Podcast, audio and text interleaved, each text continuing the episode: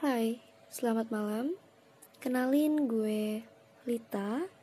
Di podcast ini gue bakalan bawain cerita pengalaman horor yang gue alamin maupun teman-teman semua alamin.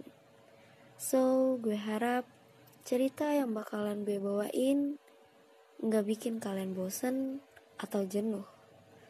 And ya, stay tune di cerita pertama gue nanti yang bakalan bikin kalian merinding atau bikin kalian gak bisa tidur. See you. Goodbye.